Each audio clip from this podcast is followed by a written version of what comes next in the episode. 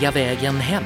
Om fotboll, musik, serier och politik. Med Jönsson punkikon, guys och rejält vänster. och Rotenberg. musiknörd, IFK Göteborg och höger på riktigt. Välkommen till den vingliga vägen hem Och hemma här i vårt, vårt dockskåpsfilter är vi samlade igen för att tänka negativt, eller hur Hans? Jaha. Och varför ska jag göra det då? Därför att jag tror att det är en väldigt bra inställning att tänka negativt. Mhm. Blir man gladare då eller? Ja, det blir man. Okej. Så För- det är lite tvärtom eh, Ja, där? för om du till exempel håller på ett fotbollslag så tänker du innan att idag får de stryk. Och skulle de då få 0-0 overt så blir du ju skitglad. Det där påminner om en, när jag, det var någon sån här kick-off eh, på mitt eh, gamla jobb. Så hade vi hyrt in då Ernst Billgren som skulle komma och vara kick-off-pratare. Han, han hade några riktigt, riktigt bra sådana här tips. Det var ett var, när du går på restaurang, eh, beställ in det som du minst vill ha. Det du minst gillar. Varför? Jo, därför att om det smakar bra så har det motsvarat dina, så har det överträffat dina förväntningar. Om det inte smakar bra så har det motsvarat dina förväntningar. Du kan inte bli besviken på det. Nej, det är, det är tvärtom mot Kai Pollak som kör sitt sådär tänk... Eh, Eh, eller gilla läget är det han säger va? Eller eh, ja, att välja glädje. Däremot har jag väldigt svårt för det här med liksom, du ska tänka positivt i alla lägen. För då blir det sån här konstruerad optimist. Alltså att spela glad när man inte är, när man inte är glad, det går inte. Eller att det blir kalla, fake. kalla ett problem för utmaningar. Vi har utmaningar med klimatet. Nej, det har vi inte. Vi har några jävla problem som vi måste lösa på Mm. något sätt. Utmaningar leder till förmaningar. Ja, Mm. det, det... Nej, fy fan. Ja, nu är det snappa upp grejer eller? Ja, har du snappat något Jag har eller? snappat upp. Oh ja. Det, det gick fort det här. Märkte du hur fort vi kom in på det här med uppsnappat denna gången? Nej, det tänkte jag inte på. Nej.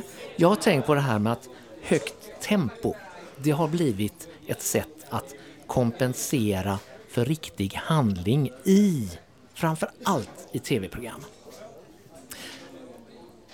Okay. Och det, nu, nu, nu är det ett tag sedan som den här julkalendern gick. Men där tänkte jag att det var väldigt, väldigt intressant. De första tio avsnitten av den här Trolltider, det var ett väldigt högt tempo, det var väldigt mycket stress man hade lagt in i historien. Sen efter två veckor, då började tempot gå ner.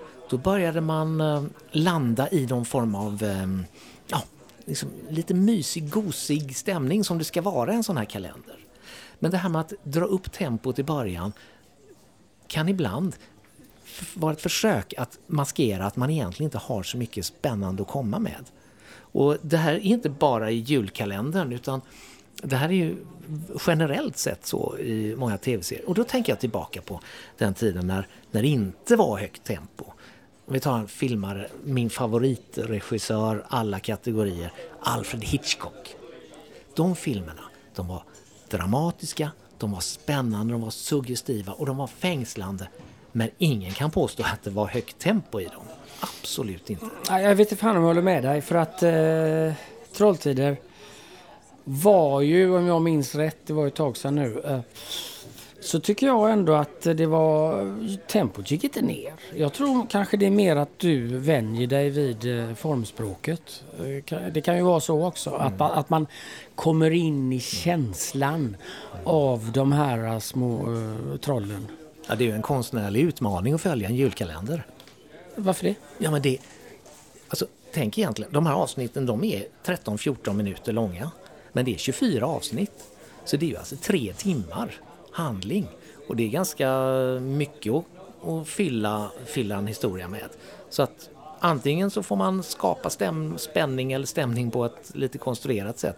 Men hade det varit en långfilm av det här, då hade man ju fått klippa, om, klippa bort hälften. Ja, så är det ju. Det, det förutsätts ju att det, det går en, eh, ett dygn emellan. Sen, sen vet jag ju många, med mig själv då, som har eh, spelar in en två, tre avsnitt och eh, ser dem i klump sen. M- Sen Hitchcock, tempo, ja, jag vet inte, jag, jag kan säga musik. Det är ju, där har du det också. Att vissa, vissa band Det ska vara ett jävla tempo mellan låtarna och det ska vara... Det ska smälla mycket och det ska vara mycket av allt va. Och, och mycket av allt blir till slut jävligt fattigt. Ja, men alltså som Pink Floyds eh, Time då från Dark Side of the Moon.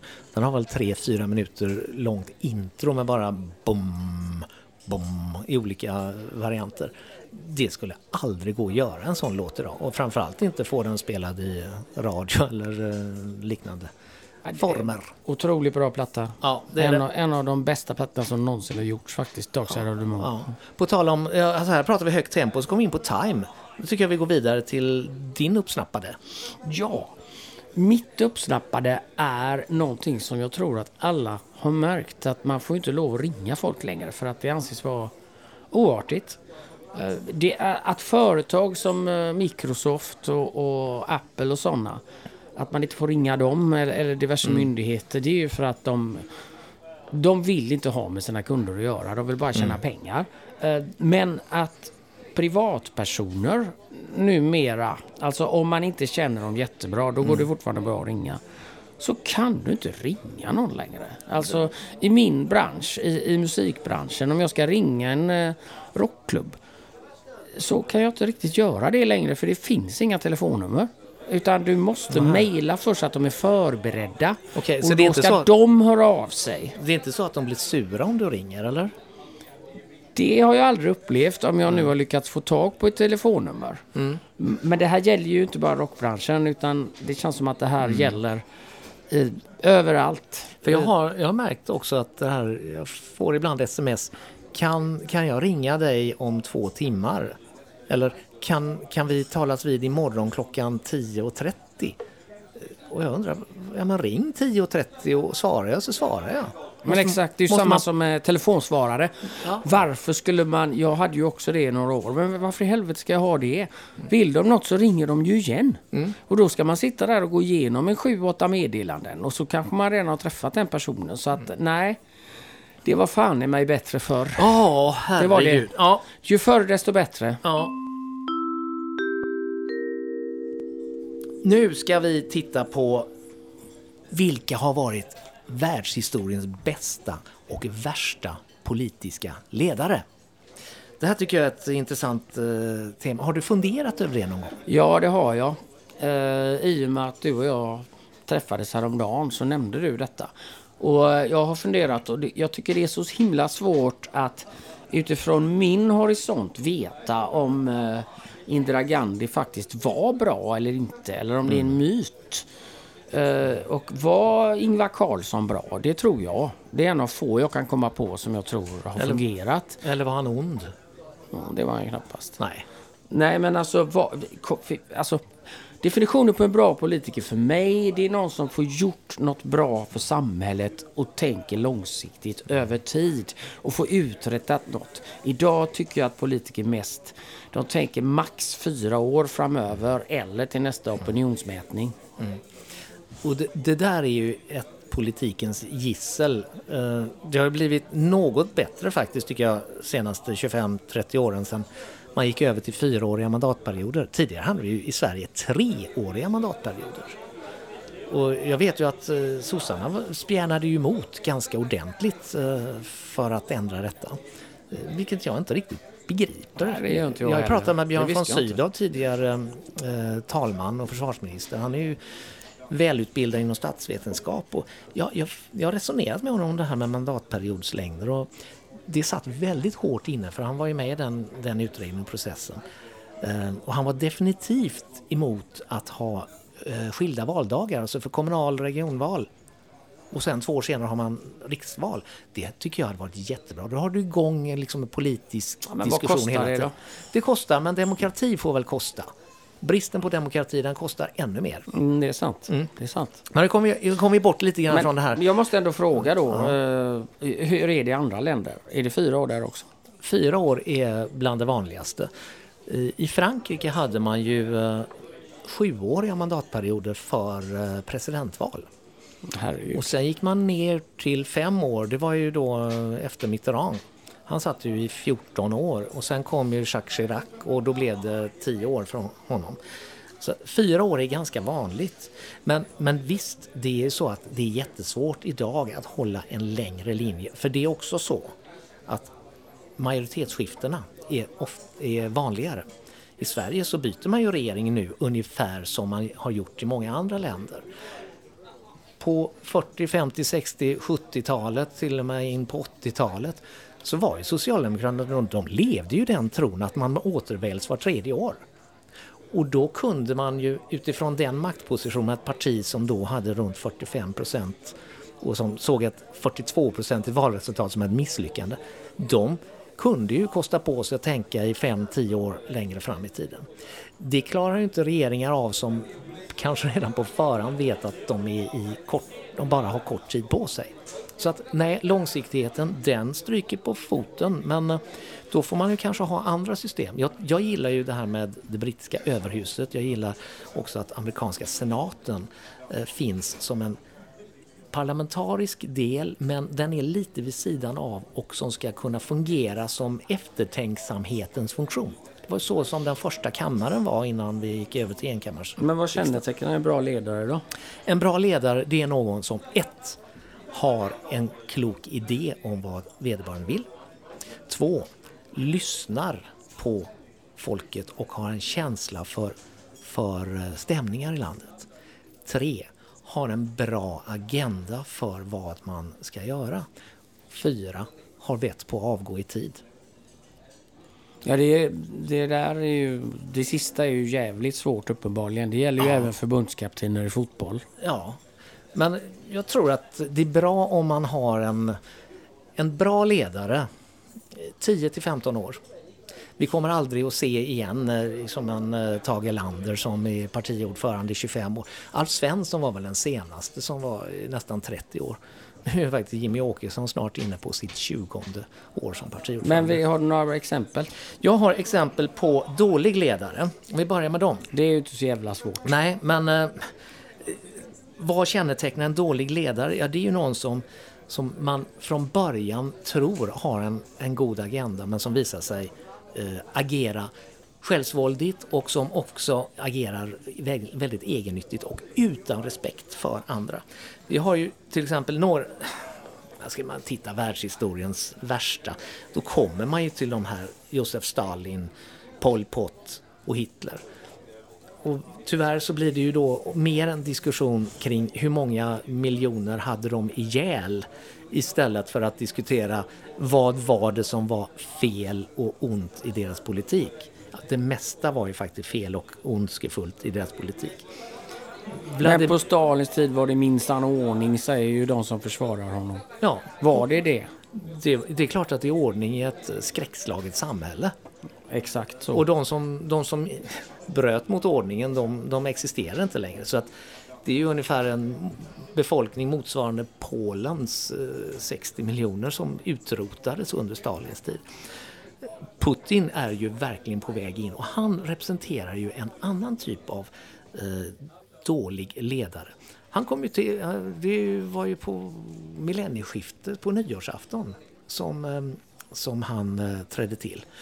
Och man hade ju först förhoppningar om att den här mannen hade en demokratisk agenda. Han ställde ju upp på det här kriget mot terrorismen.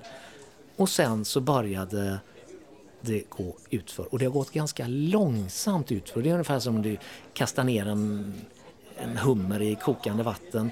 Den dör omgående men värmer du upp det sakta så märker den inte att det blir varmare förrän den plötsligt dör. Nu har man märkt att det har blivit glödhett i Ryssland. En annan person som jag vill ta med i det här eh, sammanhanget var kanske inte så att han hade flest på mördarlistan. Men det var en, en person som började bra, hade en god agenda och som sen förföll till att bli maktfullkomlig. Och det var Robert Mugabe. Mugabe i Zimbabwe. Det var han och eh, Joshua Nkono som runt mitten på 70-talet agerade med varsin gerilla eh, gemensamt för att då eh, ta över makten i den här Rhodesia som var en lik lika usel rasiststat som Sydafrika var på den tiden. Mugabe blev president och det funkade väl i 5-10 år. Sen, sen blev det en utförslöpa och han blev totalt maktfullkomlig och eh, ett mycket lysande exempel på en dålig ledare som har en dålig utveckling. Det börjar bra och sen går det utför. Nelson Mandela då? Ja, då kommer vi faktiskt in på det som är det andra spåret, bra ledare. Ja, Ja, och det är ju de som, eh, jag definierade dem tidigare då. Nelson Mandela gick åt andra hållet. Han började ju faktiskt som en eh, ja, mer icke-demokratisk eh, person.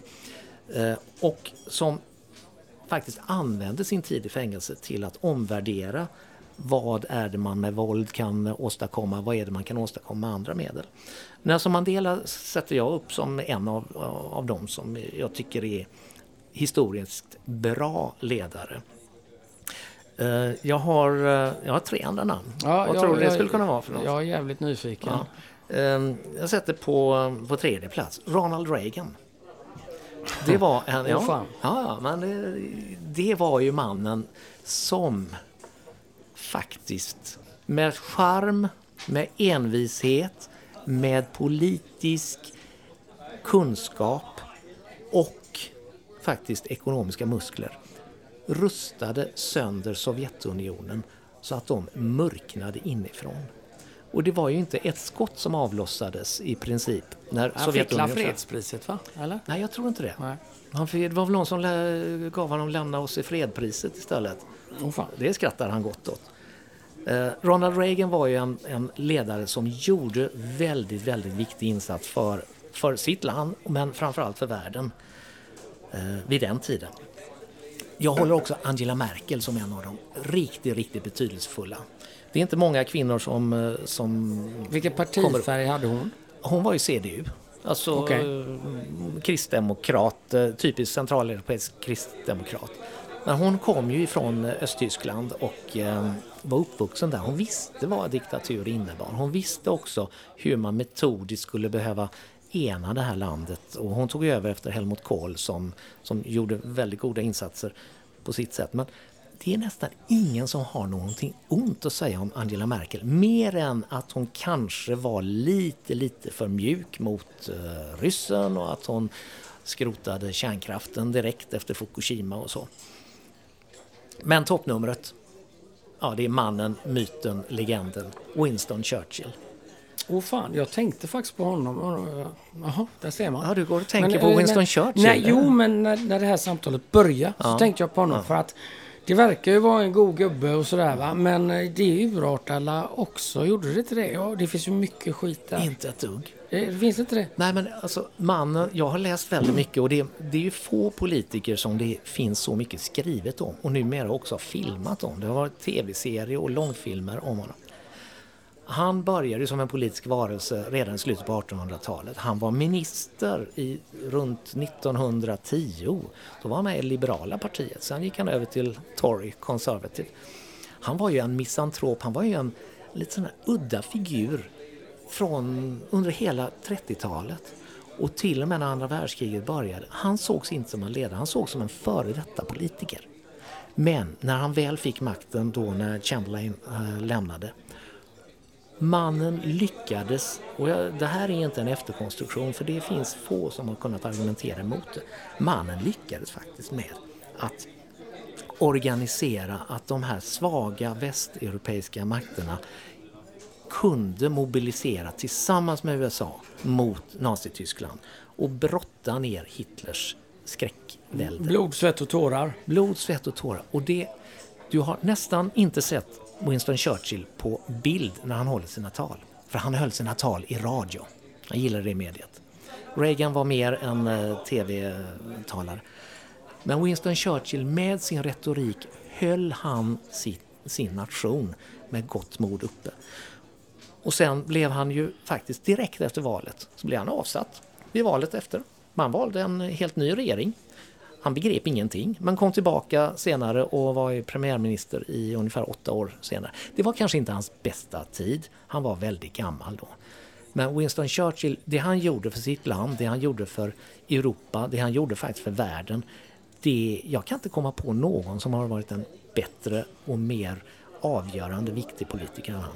Nej, det är, det är säkert sant. Eh, jag är för dåligt insatt. Men Samtidigt är det ju så att det är oerhört beroende av vad, vilken information man får om politikerna. Absolut. Vilken skit kommer fram? Ja. Hur har de gjort? Alltså, eh, jag är... Alltså jag är väldigt misstänksam mot politiker idag eftersom det känns som att det bara handlar om att vinna nästa val och att ljuga. Men jag Ah, tänker, du har ju, ja men ta hon Ebba Busch. Hon ljuger ju oavbrutet och och det går ju att bevisa att hon ljuger. Men jag, jag tänker, du har ju personlig erfarenhet av politiker eftersom du har varit en själv och du har suttit 16 år i riksdagen för Moderaterna.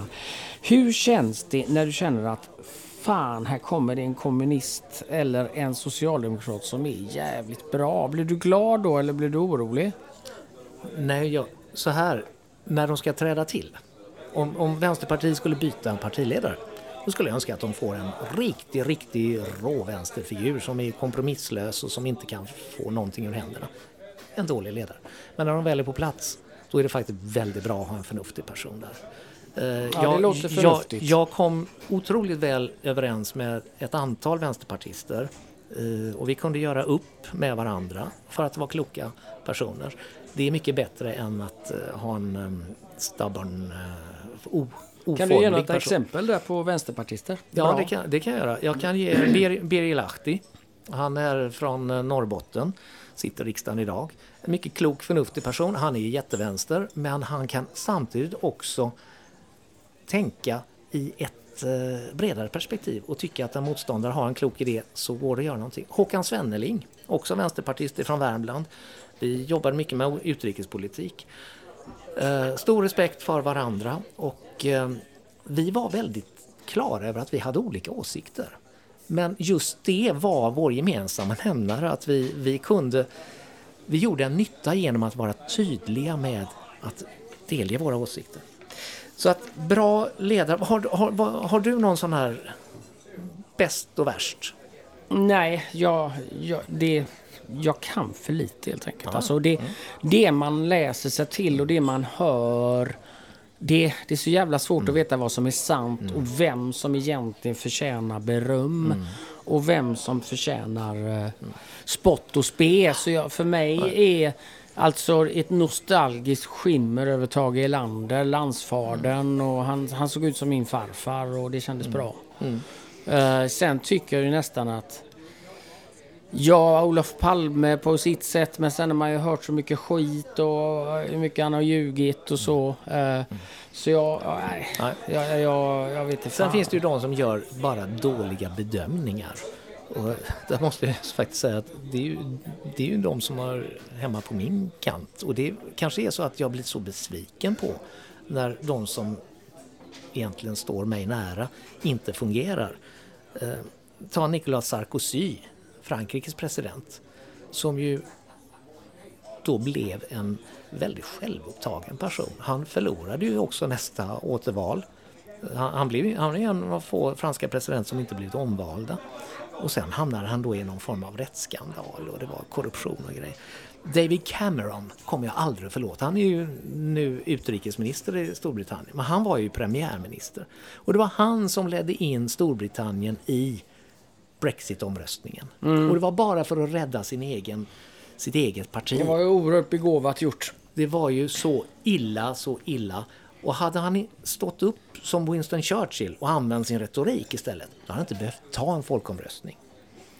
Eh, Nej, det var några jag, av dem. Jag måste ju nämna eh, Ulf Kristersson också. Han, våran eh, statsminister. Han, han framstår, han vill gärna framstå som resonabel och den vuxna i rummet och så. Men tyvärr har han ju misslyckats kapitalt.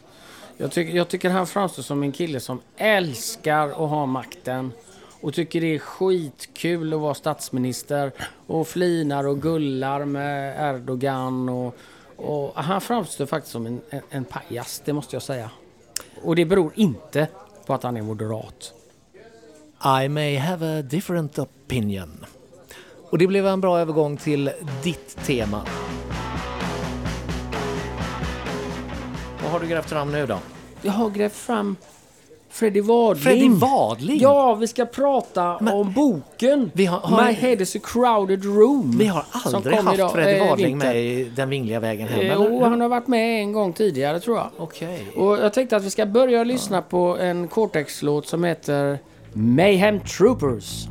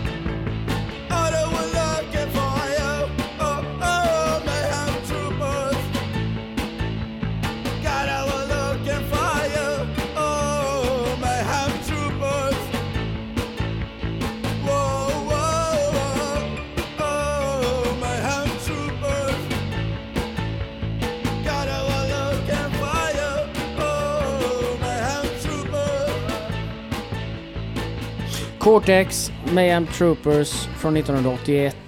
Det, har, det kom ju en bok förra året, i slutet på förra året, som hette Wadling, My head is a crowded room. En fantastisk bok med författare och fotograf Lars Sunderstrand. Eh, boken väger alltså 1,8 kilo, är över 500 sidor och eh, visar då på den här Freddy Wadlings eh, konst, alltså hans teckningar, hans målningar. Eh, han, han tecknar, han skissa, målade varje dag. Det är ju mer än vad han är känd för egentligen. Ja, han är ju känd för sin musik. Först som punkare i Liket Lever och i Cortex och eh, Blue for Two sen.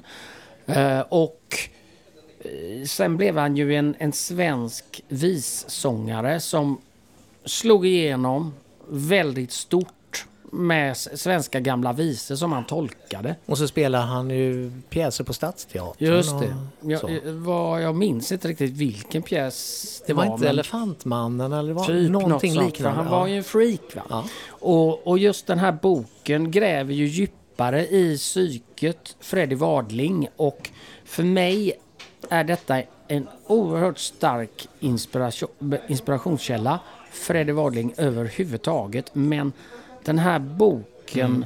är... Eh, alltså alla de här illustrationerna är helt fantastiska. Och jag tänkte det när jag eh, låg sent på natten och läste den igår. Att det här är ett ständigt pågående flöde. Och den här boken kommer jag aldrig sluta att titta i och läsa. Det finns några texter. Och de texterna handlar om de som var nära Freddy Wadling. Och det är ju den som har gjort boken, Lars Sunderstrand, var ju en kompis till Freddy. En, en gammal punkare han också. Och en väldigt bra fotograf som har fotograferat hela underground-rörelsen och punkrörelsen i både Göteborg och Sverige eh, genom alla tider. Och, och när jag går in och, och tittar på de här teckningarna han har gjort så ser jag ju nya saker varje gång. Jag kan se hur han utvecklas och jag tittar Alltså det är några sidor varje gång och, och jag kan inte upphöra att fascineras. Jag blir inspirerad av att skriva texter. Jag blir inspirerad av att göra ett nytt skivomslag. Jag blir inspirerad till att skriva låtar och, och denna boken är ju mer än en vanlig bok då. Den är ju på något sätt en förlängning av, av en konstnärlig gärning. Eh, Kan, kan du se hans musik i bilderna? Absolut. Hur då? kaoset, äh, ångesten, rädslan. Alltså, Freddy Wadlings musik har ju ofta varit soundtrack till jordens undergång. Killen växte ju upp i vidkär, någon form av diagnos. Eh, han pratade inte sägs det på flera år. Och han, jag tror han hade någon form av ADHD så att det flödade in intryck i killen som inte han kunde värja sig för. Så att det bara kom in intryck hela tiden. Så han var ju tvungen att dämpa detta med medicinering, med, med knark helt enkelt. Och det höll jag på med hela livet. Knark och sprit. Och för att stoppa ut inflödet av, av eh, intryck var han ju då tvungen till att skapa hela tiden. Va? Så han skrev ju låtar hela tiden. Han tecknade hela tiden. Och, och det kom också behovet av att uttrycka sig kom ju också ur ett dåligt självförtroende för att jag kan inte säga exakt vad som hände i hans barndom men det har ju skrivits böcker om honom. Han var ju Eh. sommarpratare för eh, tio år sedan. Och det visste jag inte. Jo. Och faktum är att det programmet eh, på Sveriges Radio, det spelades in här i Nacksving Studios. Det visste jag inte. Ja, Fredrik Wigreus var producent för det. Åh fan. Ja, det var, det var ett riktigt, riktigt eh, intressant sommarprat. Eh, Det lät inte som något annat. Freddy lät inte som någon annan. Och jag, om jag inte minns fel, jag tror faktiskt att eh, det var där, så fick Fredrik gå in i programmet som för första gången under hela sommar eh, historia gick producenten in och fick gå in och justera någonting. Alltså det gick inte att klippa bort utan det var så. Så jag tror till och med i det här rummet där vi spelar in just nu, där spelade Freddy Wadling in sitt sommarprat. Underbart. Alltså Freddy var ju en person som du inte kunde styra. Eh, och det måste varit eh, svårt att jobba med honom och det vittnar ju många också om. Eh, I attentat så, så bad vi om hans tjänster ibland. Kan du göra ett omslag till oss? Eller kan du göra ett intro som vi kan använda på nästa spelning? Eh, och jag tänker mig ungefär så här sa jag och berätta för Freddy. Det var ju bara det att då kom ju han med något helt annat. Eller, eller också hade han inte förberett sig alls. Och så funkar han hela tiden. Han planerade aldrig någonting. Och han tittade aldrig på någonting som man hade skapat. Eh, men samtidigt, eh, jag såg ju alla de viktiga banden i slutet på 70-talet. Och var det någon som inspirerade mig så var det Freddy i, i Liket lever då och i, i uh, Cortex. För du trycktes ditt, av, du tryck, alltså det trycktes ut någonting från scenen som grep dig.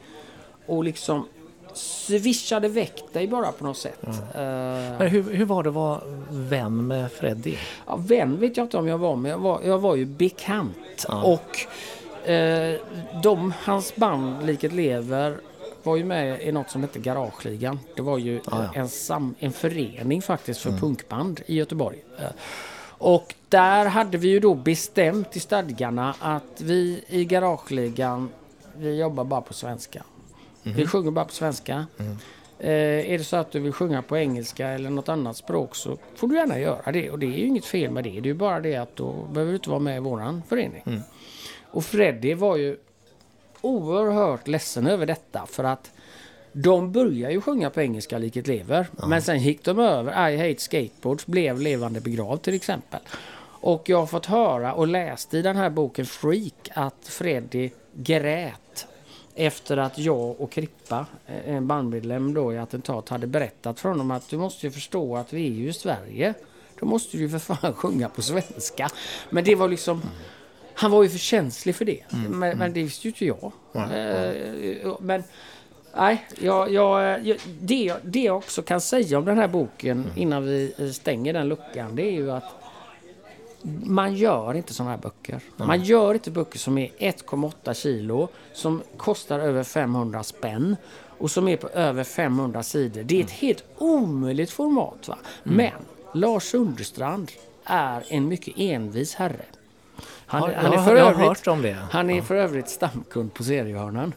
Eh, han, han har ju sagt så här att okej, ska ni ha mina bilder och ska ni ha Freddys bilder för att Bella Wadling, Freddys fru, har ju varit med och gett ut den här boken. Då blir det som jag säger. Jag, det vet inte jag om det gått till så här, men jag kan tänka mig det. Och då ger man ut en sån här bok. Och då är ju den naturligtvis en kritikersuccé, en publiksuccé. Boken är i princip slut, ett par tusen ex. Eh, det jag vill säga till er- er som lyssnar, köp den innan det är för sent. Och den finns på seriehörnan bland annat. Klart det är. Ja. Du, innan, vi, innan vi släpper Freddy-spåret här.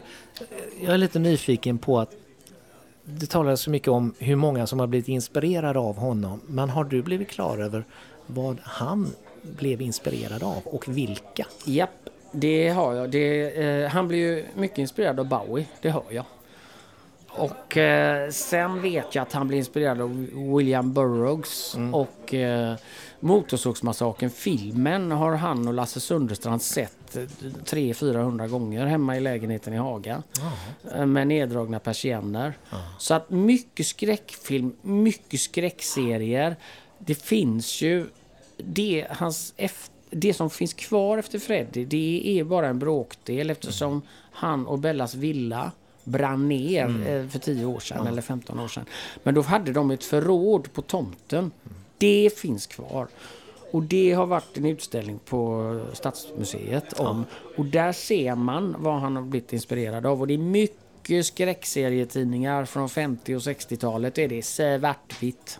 Bra. Det var en, eh, det var en lektion som hette duga.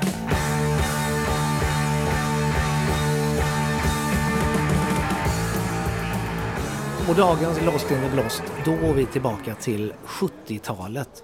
Vi går till runt 1975. Ett band från USA som heter Artful Dodger och en låt som heter Think Think.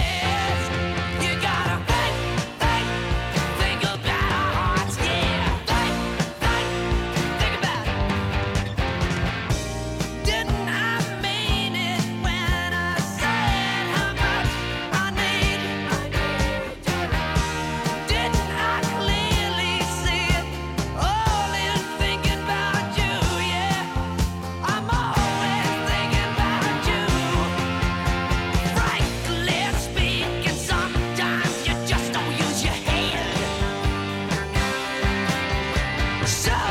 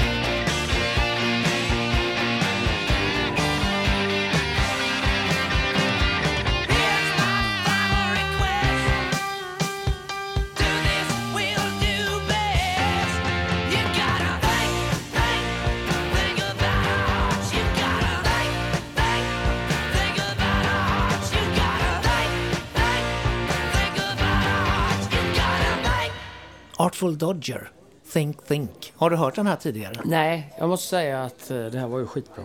Ja. Och får jag gissa eh, på år? 1973. Ja, jag tror att den här är från 75. Ja. Men det, det är... Och det är brittiskt eller? Nej, Det det är inte det. det? Nej, nej, nej. Det här är, de är alltså från Fair, Fairfax i eh, Virginia. West Virginia. Och eh, det var ett, det var ett sånt här band som eh, de lät så som bra rockband lät på, i USA på den tiden. Det är så här jag vill ha min rockmusik. Alltså det, du hör ju väldigt mycket Cheap Trick. Monty Hooper. Ja. Och du hör en hel del Alice Cooper. Och Aerosmith. Framförallt Ja, sången. Rod Stewart. Eh, Jag tycker alltså, jag, jag vill ha sån här rockmusik. Ja. Den ska, det ska vara skramlig, det ska vara skrovlig röst, det ska vara klingande, hackande gitarrer. Det ska vara det här torra brittiska ljudet. Och, att jag har missat dem, det är märkligt. Men de... eh, Det, Det är så många som har missat Ja, dem. och det är ju därför det är med i Lost Ja. in the Blost. För att det här blev ju aldrig stort. Men Nej. hur hittar du dem då? Ja, Jag, jag hittade dem genom Kjell Arlinge. Åh fan. Och Kjell Arlinge ska En vi komma hjälte. tillbaka. Vi ska komma tillbaka till honom i Vingliga vägen hem. Eh, Men han var ju, det var ju Kjell Arlinge som mitten på 70-talet var den som introducerade till bra rockmusik. Han hade ju Asfalttelegrafen, Neonmagasinet, Pop 75, Café Midnatt, eh, innan det blev Eldorad. Och han spelade det här även i Hemma hos då. Spelade han den här låten. Jag blev knäckt med en gång och eh, hade den på kassettband. Fick tag på den många, många år senare. De gjorde, eh, Artful Dodger gjorde två skivor och splittrades och sen har de återförenats lite fram och tillbaka. Men det, här, det är den här låten som var deras. De hade inte tillräckligt karisma på scen för att slå brett. Men det var ett vansinnigt bra band. Ja, och det finns två album och de finns fortfarande på CD och vinyl eller? Ja, det gör de. Det går Ja. att få tag på. Då får man gå in på Discogs och beställa. Ja. Du, nu glider vi snabbt över här till ett kulturtips.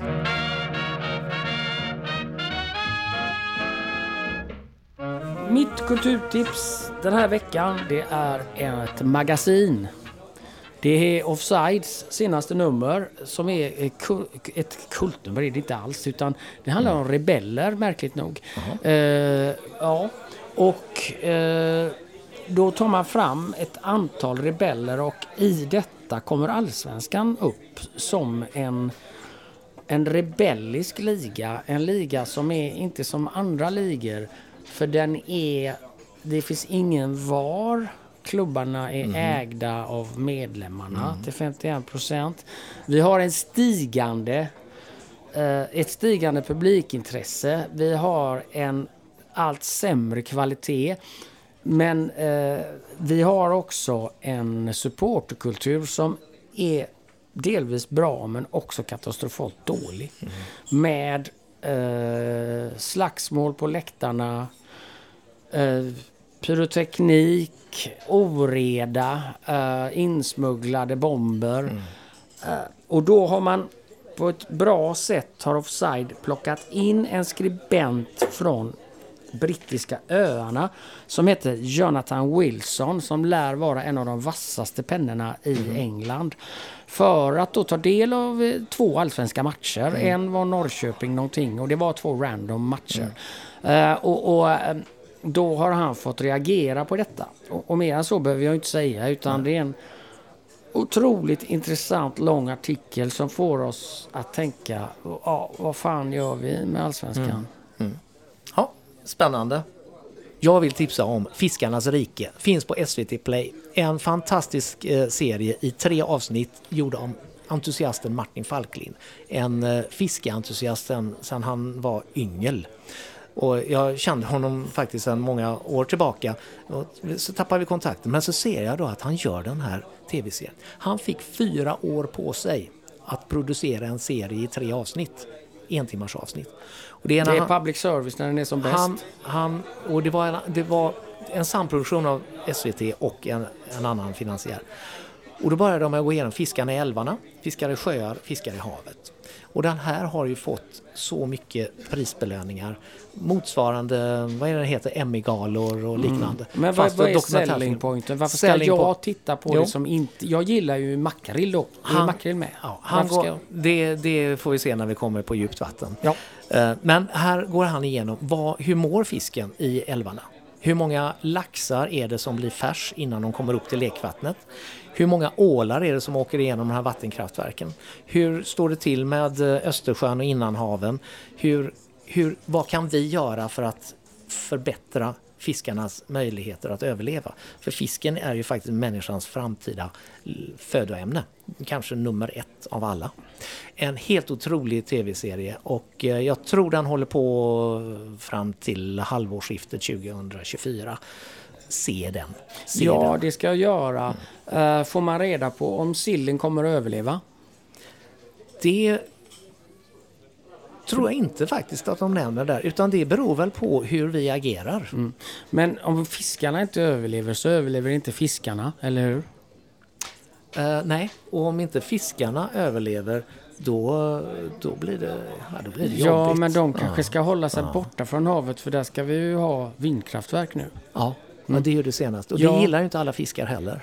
Nej, vare sig fiskarna eller fiskarna gillar eh, eh, vindkraftverk. Det, det, Men makrillarna gillar när det blåser, gärna motvind. Eller hur? mm, ja, absolut. Nu börjar vi komma in på det här liksom tugget. eh, Hur, hur ska vi få slut på det här pratet? Och hur ska Ja, vi göra får- ja. övergången till, till det som vi faktiskt ska gå Mm, över till nu? vi, eh, vi är på väg hem nu va? Har du haft en bra stund här i Nacksving Studio som är vår fina sponsor? Ja, det har jag. Och när du ändå säger det så ska vi nämna den andra sponsorn Mm. också. Seriehörnan på Sveagatan 3. Och vi pratar Göteborg nu. Så åk till Göteborg och handla serier, åk till Göteborg och spela in fantastiska poddar och skivor och legendariska inspelningar i övrigt. Ja, har du något mer att säga? Nej. Då slutar vi där. Hej, hej!